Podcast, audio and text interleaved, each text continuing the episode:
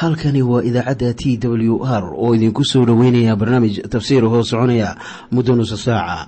Waxaana barnaamijkan codka waayaha cusub ee waxbaridda ah idiin soo diyaariya masiixiin soomaaliya.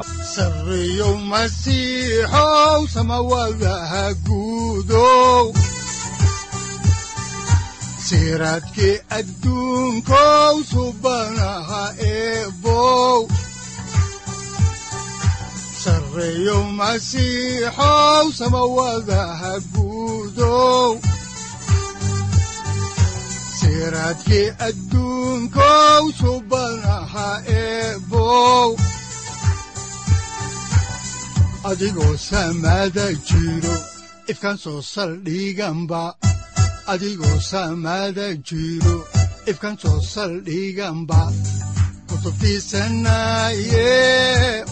udanogu saaciiday sharxin sifahaaga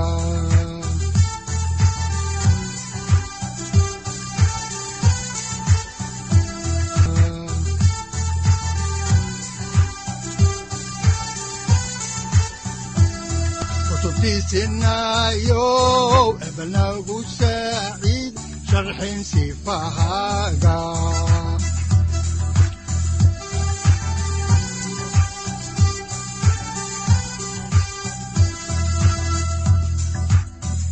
satirow ilaahow adanku su'aalne satirow ilaahow adanku su'aalne ku soo dhowaada dhegaystayaal barnaamijkeenna dhammaantiinba. Waxaannu horay u sii ambaqaadi doonnaa daraasaadkii aynu ka soo xiganaynay kitaabka bilowgii ee loogu magacdaray baibalka dhammaantii waxaannu idiin bilaabi doonnaa cutubka shan iyo tobanaad ee kitaabka bilowgii waxaana mawduucyada aynu ka hadlaynay kala ahaayeen.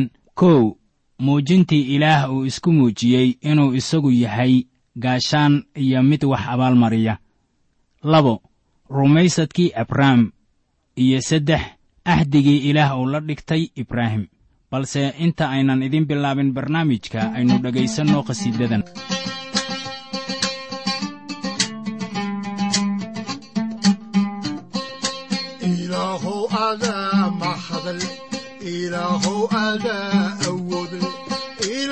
aad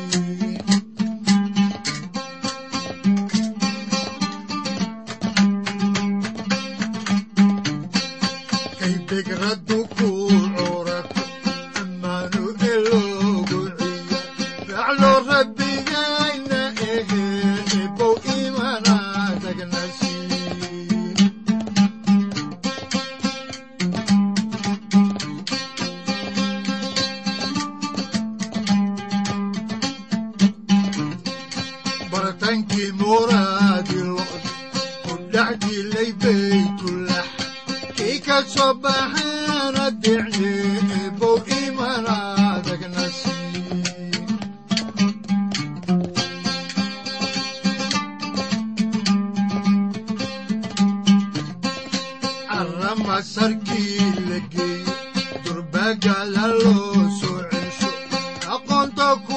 wax barye ebow imana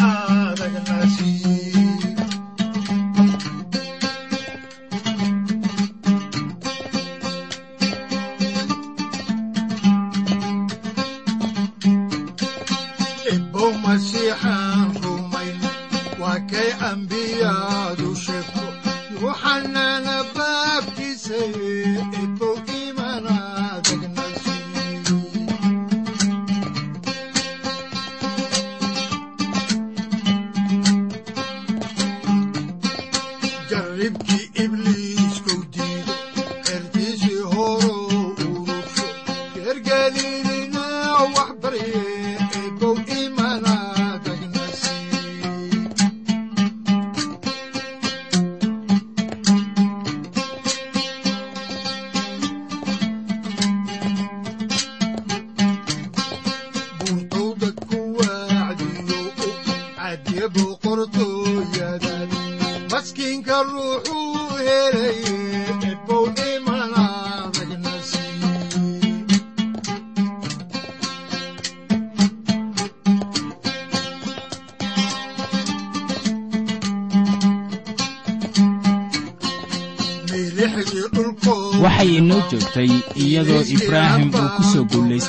dagaalkii uu ku qaaday magaalooyinkii sodom iyo gomora waxaan kaloo soo aragnay wadaadkii ilaaha ugu sarreeya oo uu halkaa kula kulmay. Waxaa kaloo la yaab ahayd inuu wax waliba ka siiyey meel tobnaad waxaan kaloo idiin bilownay cutubka shan iyo tobanaad oo waxaan aragnay axdigii ilaah oo la dhigtay ibraahim. Waxaa lagu yidhi sida ku qoran cutubka shan iyo tobanaad aayadda shanaad sida tan oo dibaddow u soo bixiyey uu ku yidhi bal samada fiiri oo xiddigaha tiri. Haddaad tirin kartid oo wuxuu ku yidhi sidaas oo kalea farcankaagu ahaan doonaa. Waa wax la yaab leh in ilaah uu siiyo ninkan ibraahim ah farac sidaas u tiro badan. Waxaan kaloo ognahay in ibraahim markaas uusan lahayn farac weyn iskabaddaa wax uu dhalo ah xitaa hal wiilna ma lahayn ibraahim hadalkii ilaah wuu rumaystay wuuna ogaa inuu sidaas ahaanayo. Waxaa markaas muhiim ah inaan maanka ku hayno in ibraahim rumaysadkiisii weynaa uu xaq ku noqday. Isagoo aan ogayn inuu noqonayo quruun weyn ayaa waxaa dhacday inuu haddana ilaah rumaystay. Wuxuu sida xaqiiqada ah ninkanu ahaa mid ilaah aaminsan xag waliboo laga eegaba waxaa dhammaantayadaba inoo wanaagsan inaan wada eegno sida habboon ee ilaah rumaysadkayaga u eegayo. Haddii aynu ilaah rumaysanno waxaa caddaan ah in ilaah uu inaga abaalmarinayo. Waxaa qorniinku uu leeyahay oo rabbiguna xaqnimou ugu tiriyey rumaysadkii uu rumaystay aawgii haddaan horay u sii ambaqaadno kitaabka bilowgii cutubka shan iyo tobanaad ayaa waxaan arkaynaa in aayadda lixaadi ay leedahay oo rabbigu wuu rumaystay ilaahna taas wuxuu ugu tiriyey xaqnimo. Aayaddani waa warbixinta ugu weyn ee ku qoran qorninka. Marka la leeyahay oo rabbiga wuu rumaystay waxaa tan loola jeedaa in ibraahim ilaah uu ku yidhi ilaahow aamiin ilaah wuxuu ku yidhi ibraahim sidaan iyo sidaas baan ku yeelayaa. Abrahamna wuxuu yidhi waan rumeeyey hadalladaada waayo waa aamin waana rumaysanahay waxaana taas loogu tiriyey xaqnimo. Bawlos ayaa tan uga hadlay warqaddii uu qoray ama uu u qoray reer rooma cutubka afaraad aayadaha hal ilaa shan waxaana qoran sida tan. Haddaba maxaynu nidhaahnaa inuu helay ibraahim oo awowgeennii hore ahaa xagga jidhka waayo haddii ibraahim shuqullo xaq ku noqday wax uu ku faano buu leeyahay ee ilaah hortiisa ma aha. Maxaa yeelay qorniinku wuxuu leeyahay ibraahimna ilaah buu rumaystay oo waxaa isaga loogu tiriyey xaqnimo. Hadda kii shaqeeya abaalgudkiisa looguma tiriyo sida nimco laakiinse sida qaan oo kale laakiin kii aan lahayn rumaysadkiisa waxaa lagu tiriyaa xaqnimo. Aayadda shanaad ee isla warqaddii reer rooma ayaa leh laakiin kii aan shaqayn ilowse rumaysta kan xaq ka dhiga kuwa aan cibaadada lahayn rumaysadkiisa waxaa lagu tiriyaa xaqnimo. Waxaa qoran rumaysadkiisa waxaa lagu tiriyaa wuxuusan ahayn waxaana taas loola jeedaa xaqnimo. Ibraahim wuxuu rumaystay oo keliya ilaah. Wuxuuna aqbalay oo keliya wixii ilaah yidhi. Wuxuu kaloo rumaystay ilaah. Sidaas weeye sida aad ku badbaadi karto waa inaad rumaysato in ilaah uu kuu sameeyey shay. In ciise uu kuu dhintay oo uu sare kacay mar kale. Ilaah xaqnimuu kugu magacaabayaa haddii aad aqbasho oo keliya masiixa cutubka saddexaad ee warqaddii rasuul bawlos uu u qoray dadka galatiya ayaa waxaa ku qoran run weyn oo la mid ah tii aynu ku aragnay warqaddii rooma. Waxaa ku qoran warqaddaas loo qoray dadka galatiya cutubka saddexaad aayadaha lix ilaa sagaal sida tan sidaas oo kalea ibraahim ilaah u rumaystay oo waxaa isaga loogu tiriyey xaqnimo. Haddaba ogaada in kuwa rumaysadka lahu yihiin wiilashii ibraahim. Qorniinka oo hore u arkay in ilaah qurumaha xaq kaga dhigi doono rumaysad ayaa injiilka hore ugu sii sheegay ibraahim isagoo leh qurumaha oo dhammi adigay kugu barakoobi doonaan. Sidaas daraaddeed kuwa rumaysadka lahu waxay la barakadaysan yihiin ibraahimkii rumaystay rumaysadkan ayaa ibraahim ka dhigay inuu ilaah daacad u ahaado. Laakiin kuma uusan badbaadin inuu daacad ahaa isagu. Wuxuu ku badbaaday inuu ilaah rumaystay. Tanina innaga oo dhan ayay muhiim inoo tahay inaynu aragno. Aynu haddaba ku soo noqonno kitaabka bilowgii oo aan eegno haatan cutubka shan iyo tobanaad aayadaha toddoba ilaa siddeed waxaana qoran sida tan. Oo wuxuu ku yidhi isaga anigu waxaan ahay rabbiga kaaga soo kaxeeyey uur tii reer kaldiyiin inaan ku siiyo dalkan si aad u dhexashid.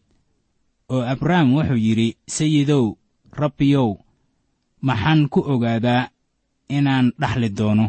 Ilaah sida tan ku qoran bilowgii cutubka shan iyo tobanaad aayadaha sagaal ilaa toban ayuu u sheegay abrahm waxaana qoran oo wuxuu ku yidhi ii kaxee qaalinlo ah oo saddex jir ah iyo ceesaan saddex jir ah iyo wan saddex jir ah iyo qooley iyo xamaam yar oo wuu u kaxeeyey kuwaas oo dhan oo bartanku ka kala wada gooyey oo bar kastaba kan kalou hor dhigay laakiinse shimbirihii ma uu kala goyn. Ilaah wuxuu abrahm ku yidhi waxaad diyaarisaa qurbaan. Waxay ahayd inuu la yimaado qaalinlo ah iyo wan iyo orgi oo uu bartanka ka kala jeexo. Oo markuu sidaas yeelo barhkoodna barka kala saaro. Laakiin xamaamka iyo qooleyda waa inaannu kala jeexin. Laakiin middood baa uu u kala dhigo dhinacyada. Markii dadku heshiis galayo maalmahaas habkan ayuu ahaa sidii ay u samayn jireen. Waxaa haatan aan arkaynaa in ilaah uu marsiinayo ibraahim xeerkii maalintaas jiray waxaa ku qoran kitaabka yeremiyah cutubka soddon iyo afaraad aayadda siddeed iyo tobanaad. Xigasho ku saabsan caadadan taasoo ka jirtay dhulkaas. Ma ahan oo keliya dadkaas laakiin dadkii kale ee maalintaas jiray oo dhan.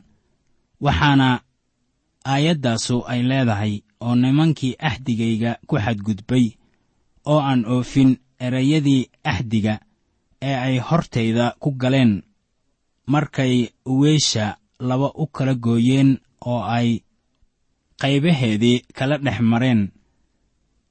Habdhaqankii maalintaas jiray wuxuu ahaa in la qaado qurbaanka oo laba cad loo kala gooyo markaasaa dadku samaynayaan axdiga. Waxaad haddaba ogaataan in ibraahim wax waliba u diyaariyey sidii tusmada ilaah ahayd.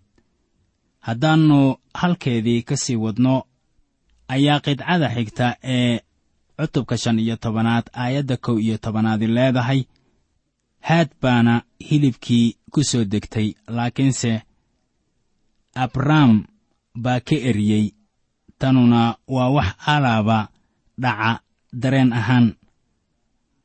Abrahm wax waliba wuu diyaariyey oo markii uu sugayey rabbiga ayaa waxaa yimid haad oo hilibkii ku soo kor degtay dukaha iyo dafada ayaa ku soo kordega rakhda. Abrahamna wuxuu halkaas u joogay inuu ka eryo waayo waxay isku diyaarinayeen inay hilbaha ku soo kordegaan haddii aad halkaas joogi lahayd oo aad arki lahayd qurbaankii halkaas yiilay adigoo garanaya caadadii waagaas waxaa laga yaabaa inaad odhan lahayd ee walaal abraamow sida abbaarta ah kii aad la samaysan lahayd heshiiska la arki maayo haatan. Waxaan u malaynayaa inuu soo dib dhacay. Abrahm ayaa laga yaabaa inuu odhan lahaa maya u malayn maayo inuu dib dhacay.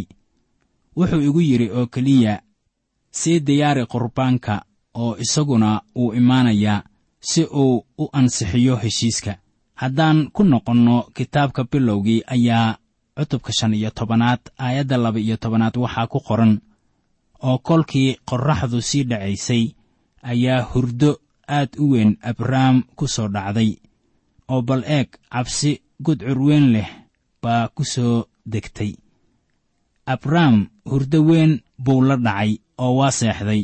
Waxay u muuqataa wax la yaab leh in ilaah uu hurdo ku soo rido markii laga doonayey inuu heshiiska saxiixo. Laakiin heshiiskan waa mid aan caadi ahayn ilaah wuxuu doonayaa inuu dhex maro qurbaanka waayo ilaah ayaa wax ballanqaaday laakiin abrahm ma dhex mari doono waayo abrahm waxba ma uusan ballanqaadin abrahm ilaah buu rumeeyey. Intaas weeye wixii ibraahim uu sameeyey. Sidaan baa dhacday. Ka hor kun iyo sagaal boqol oo sannadood markii ilaah uu soo diray wiilkiisa ilaaha aabbaha ah intuu dunida jeceyl u qabay ayuu soo diray wiilkiisa keliya. Wiilkiina wuu aqbalay inuu yimaado dhulka oo uu u dhinto dembiyada dunida oo ay ku jiraan kaaga iyo kaygaba. In mid kasta oo isaga rumaysta oo aqbala oo keliya hadiyaddiisa uusan lumin laakiin u lahaado nolosha weligeed ah. Taasi waxaan ka helaynaa yooxana cutubka saddexaad aayadda lix iyo tobanaad anigu halkaas ma aanan joogin kun iyo sagaal boqol oo sannadood ka hor si aan qayb uga qaato heshiiska.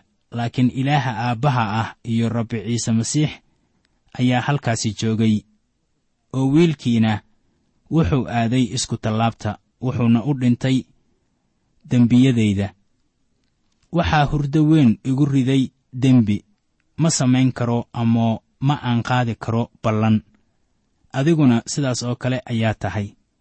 Ibraahimna ballan ama ahdi ma uusan qaadin. Waxaad ka fakartaa in ilaah uu ku yidhi abrahm abrahamow haddii aad ballan qaaddo inaad tukanayso habeen waliba. Sidaan ayaan kuu yeelayaa. Kaba soo qaad in abraham uu iloobo inuu tukado habeen habeennada ka mid ah. Heshiiskii wuu burayaa. Socon maayo sababtaas aawadeed ilaah uma baahna in qaybta abraham la dhaqangeliyo. Laakiin ilaah wuxuu yidhi waxaan ka soo baxayaa qaybtayda. Wuxuuna dadka weyddiisanayaa inay hal wax sameeyaan inay aamiin ku yidhaahdaan isaga. Waxaana taas looga gol leeyahay in ilaah la rumaysto. Waa inaad ilaah rumaysataa oo aad rumaysataa wixii uu sameeyey saaxib inaad ilaah rumaysataa waa badbaado. Dhowr sannadood ka hor waxaa jiray haweenay scottish ah oo cunugeedii u dirtay kulliyad ku taalla galagsow wuxuuna ku soo noqday wiilkii isagoon wax aaminsanayn. Wiilkii bay la hadashay waxayna u sheegtay sida ilaah uu u wanaagsan yahay oo ay u hubto badbaadadeeda. Wiilkii dhowr jeer buu ka weecweecday iyadoo taasu ay ula muuqatay daandaansi. Markii dambe ayuu yidhi sidee baad ku ogaanaysaa inaad badbaadday naftaadan yari wax qiimo ah oo ay leedahayba ma jirto. Wuxuuna bilaabay inuu la barbar dhigo hooyadiis dadyowga kale ee dunida ku nool. Wuxuuna yidhi ilaah wuu iloobi karaa iyada oo umana xaqiiqsana badbaadadeeda.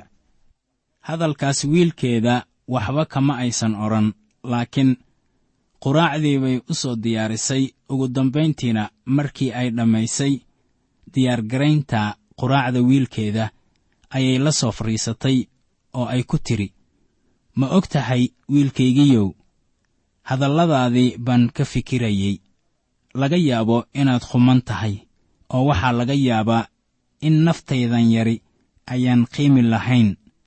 Lagana yaabo dunidan weyn ee ilaah. Marka la eego inaannu nafsaddayda ku tirin wax weyn laakiin haddaannu i badbaadin isaga ayaa wax badani uga lumayaan ee aniga ma ahan. Waxaan keliya oon luminayaa noloshaydan aan sidaas macaaniga u sii lahayn laakiin isagu wuxuu luminayaa dabeecaddiisii waayo wuxuu ballanqaaday inuu nafsaddayda badbaadiyo. Wuxuu taas oggolaaday markuu lahaa in mid kasta oo rumaystaa uusan lumin laakiinse uu lahaado nolosha weligeed ah. Ilaah waa mid ka dhex maray allabarigii laysdul saaray oo ilaah baa heshiiska ansixiyey. Aynu haddaba ku soo noqonno bilowgii cutubka shan iyo tobanaad oo aan eegno aayadda saddex iyo tobanaad oo leh markaasuu wuxuu ku yidhi abrahm ogow in hubaal farcankaagu ay dad khallaad ku ahaan doonaan dal aan kooda ahayn oo ay u adeegi doonaan oo afar boqol oo sannadood. Waa la dhibi doonaa. Markaynu eegno qorniinka waxaa horay loo sii saadaaliyey in dadka cibraaniga ah saddex koor dhulka laga eryi doono wakhtigaas la sheegay ayaa ah markii koowaad. Waxaa kaloo la saadaaliyey inay dhulkaas dib ugu noqon doonaan oo wakhtigaasna way ku noqdeen. Dabadeedna waxay mar kale dhacday wakhtigii baabiloon ay maxaabiis ahaanta u wateen. Waxaa loo kaxaystay maxbuusnimo ama lahaystannimo. Wayna soo noqdeen toddobaatan sannadood kadib dhalashadii ciise ayaa haddana jeruusaalem la baabi'iyey oo markii saddexaad ayaa la kala yaaciyey. Ilaa iyo haatan kama ayan soo noqonin musaafuriskaas. Ha yeeshee joogitaanka ay haatan joogaan dhulkaas ayaa waxaa caddaan ah inay kaamilayso ama oofinayso waxa ku qoran qorniinka. Laakiin marka aynu eegno waxa hadallada ilaah leeyihiin mar bay ku soo noqon doonaan isla sidii loo waxyiyeyba waxaa kaloo jiray in reer banu israa'iil ay addoommo u ahaayeen reer masar ilaa iyo muddo afar boqol oo sannadood ah. Ilaah taas ibraahim buu u sheegay sida aydin ku arkaysaan waxyigaas ku qoran cutubka shan iyo tobanaad aayadda saddex iyo tobanaad. Waxaan kaloo arki doonnaa ilaah oo mar kale la tashanaya nebi ibraahim oo ku leh waxaan doonayaa inaan baabi'iyo magaalooyinka sodom iyo gomorra. Sida ku qoran cutubka siddeed iyo tobanaad aayadda toddoba iyo tobanaad. Ayaa ilaah uu leeyahay miyaan ibraahim ka qariyaa waxaan samaynayo.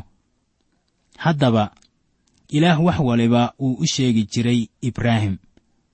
Waxaanan garanaynaa in qarnigeennan haddii la yidhaahdo faraca reer ibraahim ha la xisaabo inay inagu adkaanayso inaan tirinno.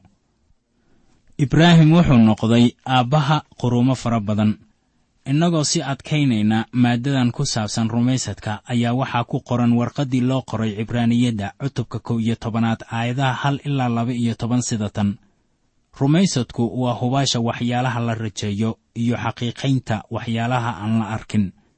Waayo saasaa loogu markhaati furay waayeelladii rumaysad ayaynu ku garanaynaa in duniyooyinka lagu abuuray hadalkii ilaah. Sidaas daraaddeed waxaa la arko lagama samayn waxa muuqda. Haabiil rumaysad ayuu ilaah ugu bixiyey allabari aad uga wanaagsan kii qaabiil sidaas daraaddeed waxaa loogu markhaati furay inuu xaq yahay. Ilaahna waa ka markhaati furay hadiyaddiisii saas daraaddeed isagoo dhintay ayuu weli hadlaa. Enok rumaysad baa kor loogu qaaday si uusan dhimasho u arag. Lamana helin. Maxaa yeelay ilaah baa isagii qaaday waayo intaan kor loo qaadin ka hor ayaa markhaati loo furay inuu ilaah ka farxiyo. Taas aawadeed kan ilaah u yimaadaa waa inuu rumaysto inuu jiro oo uu yahay kan u abaalguda kuwa isaga doon doona. Nuux oo ilaah uga digay waxyaalo aan weli la arkin ayaa cabsaday oo rumaysad buu ku diyaariyey doonni in reerkiisu uu ku badbaado. Sidaasuu dunida u xukumay uu ku noqday mid dhaxla xaqnimada rumaysadka ku timaada. Ibraahim kolkii loo yeedhay rumaysad buu ku addeecay inuu tago meeshuu ku heli lahaa dhaxalka. Wuuna tegay isagoo aan garanaynin meeshuu ku socdo. Rumaysad buu ku degganaa dhulkii loo ballanqaaday. Sidii dhul qallaad wuxuuna taambuugyo la degganaa isxaaq iyo yacquub oo ahaa kuwii la dhaxlay isku ballan. Waayo wuxuu filanayey magaalo aasaas leh oo kan dhisay oo sameeyey uu ilaah yahay. Saara qudheeda rumaysad bay ku heshay xoog ay ku uuraysato oo iyadoo dhaaftay wakhtigii dhalmada ayay dhashay. Waayo waxay ku tirisay ku aamin ah kii u ballanqaaday. Sidaas daraaddeedna waxaa mid sidii nin dhintay oo kala ah ka dhashay dad u badan sida xiddigaha cerka iyo sida camuudda badda xeebteeda taal oo aan la tirin karin. Waxaynu walaalayaal garanaynaa in ballamada ilaah ay weligoodba ka gaabinaynin halkii laga sugayey. Waxaana taas caddaan ka dhigaya nebi ibraahim oo isagoo aan ilmo lahayn haddana aaminsanaa inuu qurun weyn noqonayo. Maxaa wacay? Wuxuu filanayey magaalo aasaas leh oo kan dhisay oo sameeyey uu ilaah yahay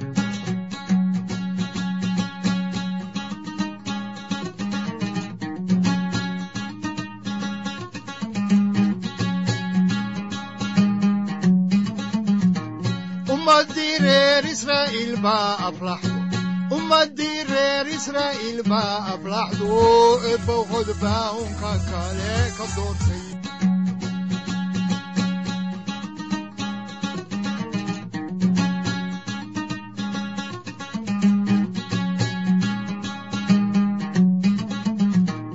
ummadii reer israa'iil baa aflaxdo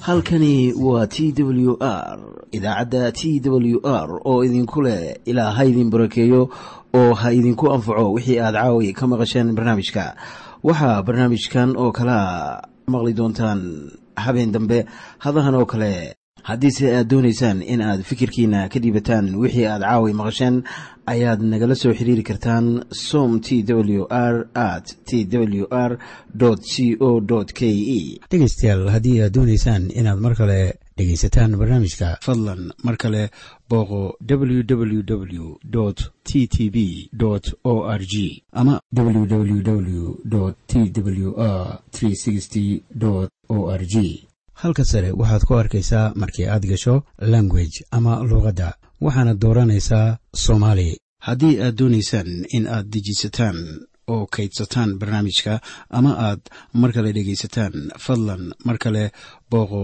www t t b t w r o r g ama www t w r o r g haddii aad doonayso in laga kaalmeeyo dhinacyada fahamka kitaabka amase aad u baahan tahay duco fadlan fariimahaaga soo mari bogga aaraahda ama kommentska inana jawaab degdeg ah ayaanu ku soo diri doonaa amase ku siin doonaaye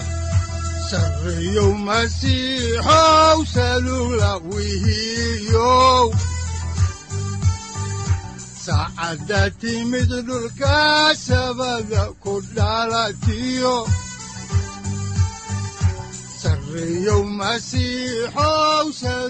halkani waa t w r oo idiin rajaynaya habeen baraare iyo barwaaqaba leh. Inta aynu ka gaari doono wakhti aynu ku kulanno barnaamij la mida kan caawayay aad maqasheen. Waxa aan idinku leeyahay nabadda ciise masiix ha idinku badato xagga jidhka iyo ruuxaba. Aamiin